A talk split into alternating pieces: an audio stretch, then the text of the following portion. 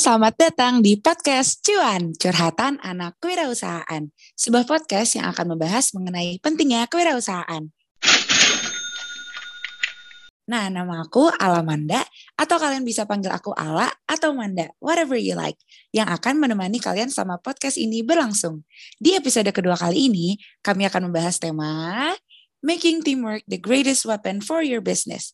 Cocok banget nih buat kalian yang masih mikir kalau bikin bisnis itu harus sendiri. Padahal enggak loh. Oh iya, sebelumnya aku mau ngasih tahu juga nih, untuk episode kedua kali ini akan ada pertanyaan tentang topik. Yang menariknya adalah untuk menjawab, pertama bakal dapat hadiah loh. Jadi dengerin podcastnya sampai akhir ya. Oke, sebelum aku kenalin pembicara kita yang keren pada hari ini, bakal ada pengumuman pemenang dari episode sebelumnya, yaitu Kak Nur Fidialim. Kepada Kak Nur Fidialim dipersilakan untuk menghubungi kontak person yang tertera pada postingan BMF MIPA UI. Terima kasih banyak, Kak. Oke, kita sambut dulu nih pembicara kita hari ini yang keren banget. Mungkin aku jelasin secara singkat dulu kali ya. Yaitu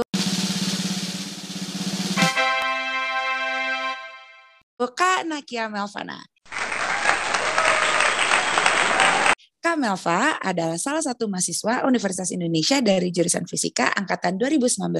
Saat ini, Kak Melva memiliki kesibukan kuliah dan bisnis yang namanya Fleur di Java. Dan ini bukan episode pertama kali sama Kak Melva loh, jadi cek dulu episode cuan yang satu. Langsung aja ya kali kita mulai.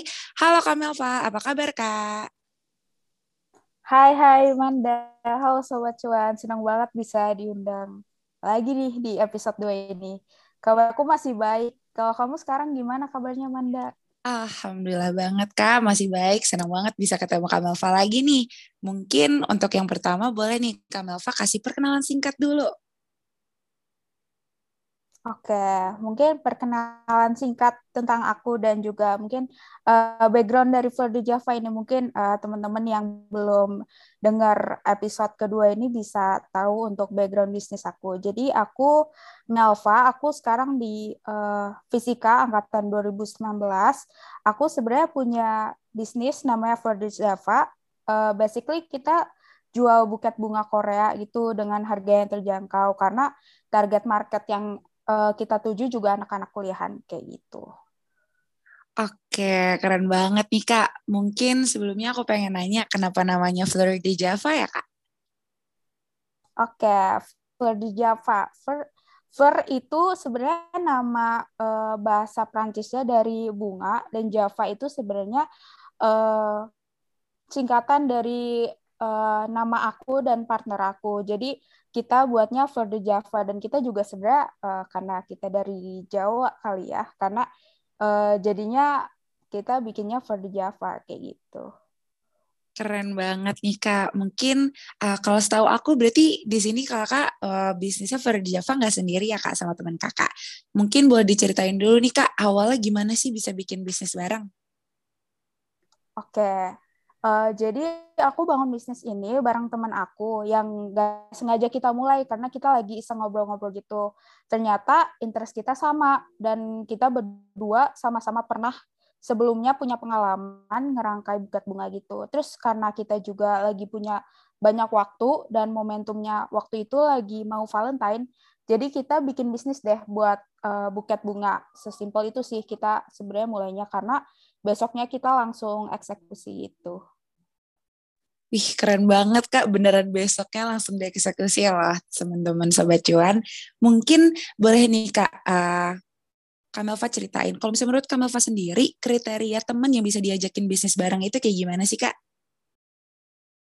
Oke, um, sebenarnya ini uh, balik ke orang masing-masing ya. Tapi kalau aku sendiri, karena udah lumayan sering juga pak coba partneran sama orang, aku juga jadi tahu mana yang bisa kerja bareng aku, mana yang mungkin kurang cocok sama aku. Jadi menurutku yang pertama, aku pasti cari temen aku yang udah temenan lama sama aku, yang udah tahu aku kerjanya gimana, yang aku nggak suka dan aku suka gitu. Dan juga sebaliknya, uh, aku tahu gimana cara kerjanya dia gitu. Jadi dengan itu kita bisa meminimalisir masalah internal yang mungkin kejadian di awal-awal bisnis karena perbedaan pendapat. Karena aku juga orangnya gak enakan. Jadi menurutku partneran sama yang udah lama kenal itu kita jadi lebih bebas aja buat ngutaran pendapat. Terus yang kedua, sebenarnya gak harus sama temen yang udah lama kerja bareng juga dan temenan bareng juga, tapi yang paling penting itu kita tahu orang yang mau kita ajak partner partneran itu punya visi, misi, pengetahuan bisnis dan interest yang sama sama kita. Menurutku ini paling penting sih, soalnya kalau pengetahuan bisnis atau pengalaman kita beda dengan partner, bakal selalu ada beda pendapat di sistem yang mau kita buat.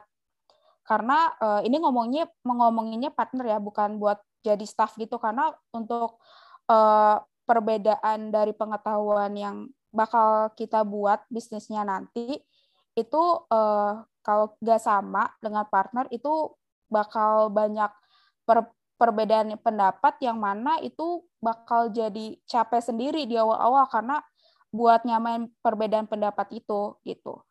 Jadi uh, selanjutnya yang ketiga itu cari partner yang sama-sama profesional menurutku yang tahu gimana memposisikan diri dan tahu perbedaan masalah personal pertemanan dan bisnis. Nah, menurutku ini yang mungkin semua orang lagi belajar ya uh, buat ngebedain kedua hal itu. Karena buat bikin bisnis ini kan ranahnya profesional uh, dan nantinya pasti bakal banyak beda pendapat tentang ide, sistem dan uh, bahkan keuangan bisnis. Kalau orangnya nggak bisa ngebedain kedua hal itu dan juga terlebih lagi nggak komunikatif gitu, nantinya bakal susah juga buat bisnisnya berkembang karena yang paling penting itu ngebangun internal bisnisnya untuk sistem dan lainnya itu bisa disesuaikan kalau internal bisnisnya udah baik kayak gitu. Asik, keren banget Kak. Berarti emang harus dimulai dari teman kakak dan kakaknya dulu ya. Mungkin yang pengen aku tanya, kira-kira sikap uh, atau uh, perlakuan apa aja sih Kak yang perlu kita milikin dari awal sebelum bikin bisnis dari, sama teman kayak gitu? Oke. Uh, pertama, menurutku itu yang harus uh, inisiatif karena untuk uh, bikin bisnis itu kita perlu punya sikap yang inisiatif yang tinggi karena kita kan nggak punya atasan ya kalau misalnya buat ngebangun bisnis mungkin ada mentor tapi kan nggak mentor itu nggak benar-benar nyuruh kita harus ngelakuin apa aja yang harus kita lakuin jadi yang paling pertama dan partner harus uh, yang partner kita harus punya itu harus punya inisiatif. Yang kedua, sebenarnya uh, harus juga profesional dan tahu gimana cara nempatin dirinya. Jadi uh, yang mungkin tadi udah aku bahas juga buat jadi partneran dengan tim dan membentuk tim itu kita harus profesional. Jadi tahu harus nempatin gimana uh, di mana ranah profesional dan di mana ranah uh, pertemanan karena kalau misalnya kita nggak tahu cara ngebedain dua hal tersebut, itu bakal uh, mempengaruhi kinerja dari bisnisnya dan juga mempengaruhi, mempengaruhi uh, hubungan kalian, uh, hubungan kita dengan partner kita sendiri gitu.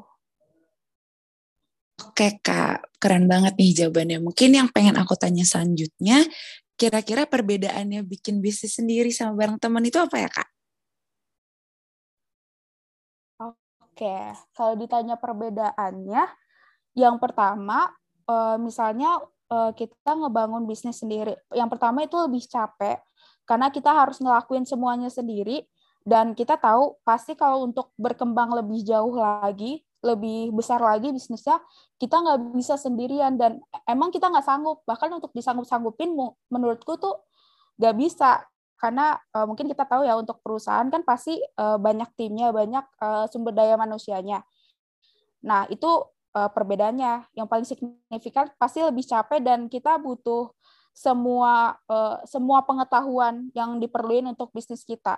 Yang mungkin uh, sebagian orang punya skill yang banyak, tapi yang mung mungkin juga sebagian orang kan nggak uh, punya semua skill yang diperluin untuk bisnis, misalnya desain, editing video, itu kan perlu skill-skill tertentu yang diperluin kan, gitu. Nah untuk uh, buat yang membangun bisnis dengan teman, yang paling terlihat jelas itu kita perlu uh, ngebangun internal kita kita dulu. Jadi sebelum buat uh, menurutku ya sebelum ngebuat bisnisnya lebih lanjut itu kita harus ngebangun internal tim kita dulu karena kalau misalnya dari internal kita aja yang gak bagus pasti ke sananya itu bakal lebih susah sih menurutku.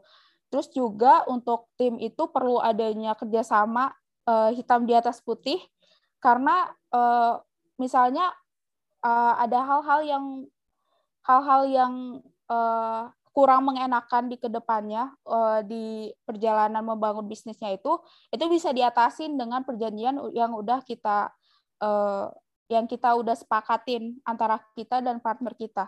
Kayak gitu. Jadi uh, itu sih perbedaan itu perbedaan antara ngebangun bisnis sendiri dan ngebangun bisnis dengan teman. Dan juga untuk ngebangun bisnis dengan teman atau ngebangun bisnis dengan partner dan membuat tim itu kita bisa lebih melangkah lebih jauh untuk ngebangun bisnis yang lebih besar dibandingkan dengan kita uh, ngebangun bisnis sendiri. Memang untuk ngebangun bisnis sendiri itu uh, perkembangan bisnisnya bisa lebih cepat dan kita bisa melangkah lebih cepat. Tapi jika kita mau uh, membangun bisnis yang lebih besar dan lebih jauh, kita perlu tim untuk ngebangun bisnis itu. Gitu. Asik, oke keren banget. Tapi tadi ini aku lumayan penasaran nih Kak sama tadi ada yang disebut perjanjian hitam di atas putih. Itu maksudnya gimana ya Kak?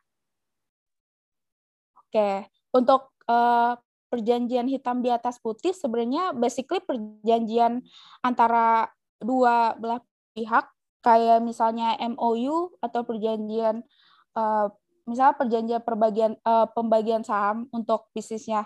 Jadi kita perlu tanda tangan di uh, di perjanjian itu. Dan kita harus tulis perjanjian apa aja yang uh, antara kedua belah pihak sepakatin.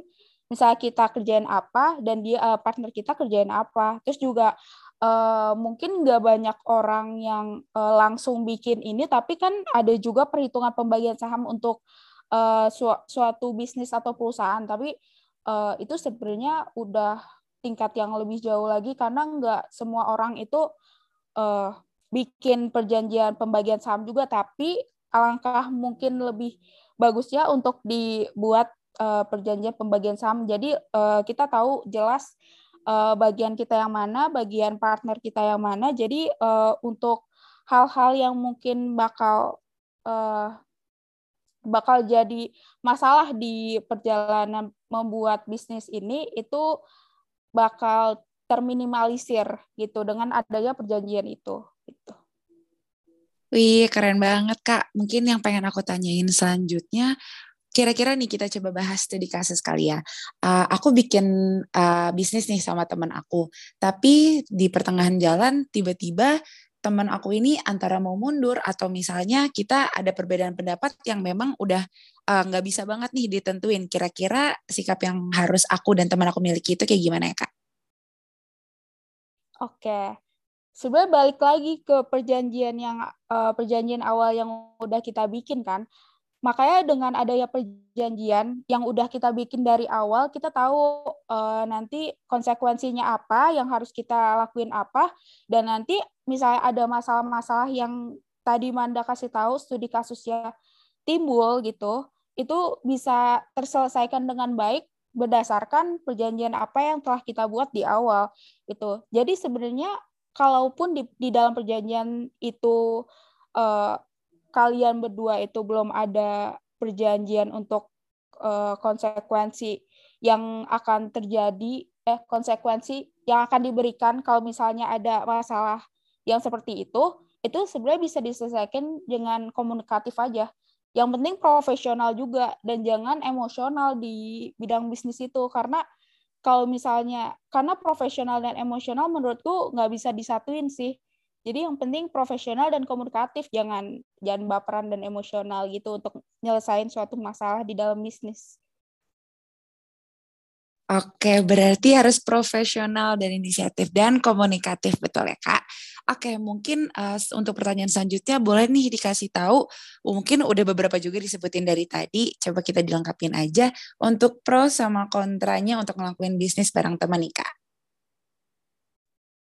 Oke, uh, untuk pertanyaan ini balik lagi ke pribadi masing-masing. Tapi menurutku itu prosnya itu kalau teman yang kita ajak bisnis itu emang punya interest yang sama dan juga profesional di bisnis, gak susah jadinya buat ngebangun internal dari bisnis karena emang dari awal udah temenan juga. Tapi konsnya itu uh, kalau kita belum benar-benar kenal sama teman yang kita ajak bisnis dan gak seimbang atau gak saling melengkapi pengetahuannya di bidang bisnis yang mau dijalanin karena kalau pengetahuan bisnisnya nggak saling melengkapi, partnerannya juga jadi gak bisa jalan dengan baik karena nggak bisa satu orang aja buat jalanin bisnis yang visinya itu bisnis yang besar. Jadi ya menurutku nggak seburuk itu juga buat jalanin bisnis bareng teman, tapi harus tahu teman mana yang bisa kita ajak partneran, ada teman yang bisa kita ajak kerja bareng, ada teman yang emang cuma bisa jadi teman aja gitu. Oke, berarti kita juga harus tahu ya kak perbedaannya teman ini bisa beneran diajak bisnis atau enggak. Keren banget nih Kak. Mungkin dari Kak Melva sendiri, uh, kira-kira ada closing statement nggak ya untuk para sobat cuan yang ingin menjadikan teamwork atau kerja tim sebagai greatest weapon untuk bisnis mereka? Oke, okay. uh, eh, jadi untuk sobat cuan yang mungkin lagi mau bangun tim atau cari partner nih buat bisnisnya, menurutku ada hal-hal yang perlu diperhatiin sih buat itu. Karena kalau cari partner bisnis sama aja kayak kita cari uh, kita lagi mau cari pasangan atau pacar. Kita perlu kenal dulu nih sama orang yang kita ajak partneran. Mungkin bisa lewat sering uh, sering-sering ngobrol biar lebih tahu kepribadiannya dan juga bisa lewat nanya-nanya sama orang terdekatnya gimana orangnya kalau lagi kerja bareng. Dan juga mungkin hal ini suka dilewatin nih, tapi perlu sebenarnya perjanjian hitam di atas putih yang tadi uh, aku sebutin. Uh, apalagi kalau misalnya udah masuk ke pembahasan keuangan bisnis dan kerjasama apa aja yang bakal dilakuin karena kalaupun partner yang dipilih atau staff yang dipilih itu nggak cocok dengan perusahaan atau dengan kita bisa cari yang baru aja lewat komunikasi dan juga berdasarkan perjanjian awal yang udah disepakatin bareng-bareng gitu. Nah, dengan itu buat ngebangun internal perusahaan juga udah punya kejelasannya masing-masing dan lebih gampang buat ke depannya. Asik, keren banget, beneran deh. Aku sebelumnya pengen ngucapin terima kasih banyak kepada Kamelva udah ngasih insight yang keren, super duper keren untuk para Sobat Cuan. Nah, untuk Sobat Cuan, sesuai yang aku bilang di awal episode, akan ada pertanyaan mengenai topik hari ini, yaitu bagaimana sih cara Kamelva menjadikan teamwork the greatest weapon for her business? Pertanyaan tadi ya, bisa banget dijawab di kolom komentar Instagram BEM FMIPA UI. Nah, untuk pemenangnya akan diumumkan di episode selanjutnya, jadi jangan sampai ketinggalan untuk episode berikutnya, yang temanya juga nggak kalah menarik dari episode hari ini. Oke, teman-teman, mungkin sampai di sini dulu episode kita kali ini. Semoga apa yang dibawakan bisa banget dipakai ilmunya untuk para sobat cuan nih. Aku, Alamanda, atau Ala, atau Manda, pamit undur diri dulu. Sekian, sampai bertemu di podcast episode selanjutnya. Bye-bye!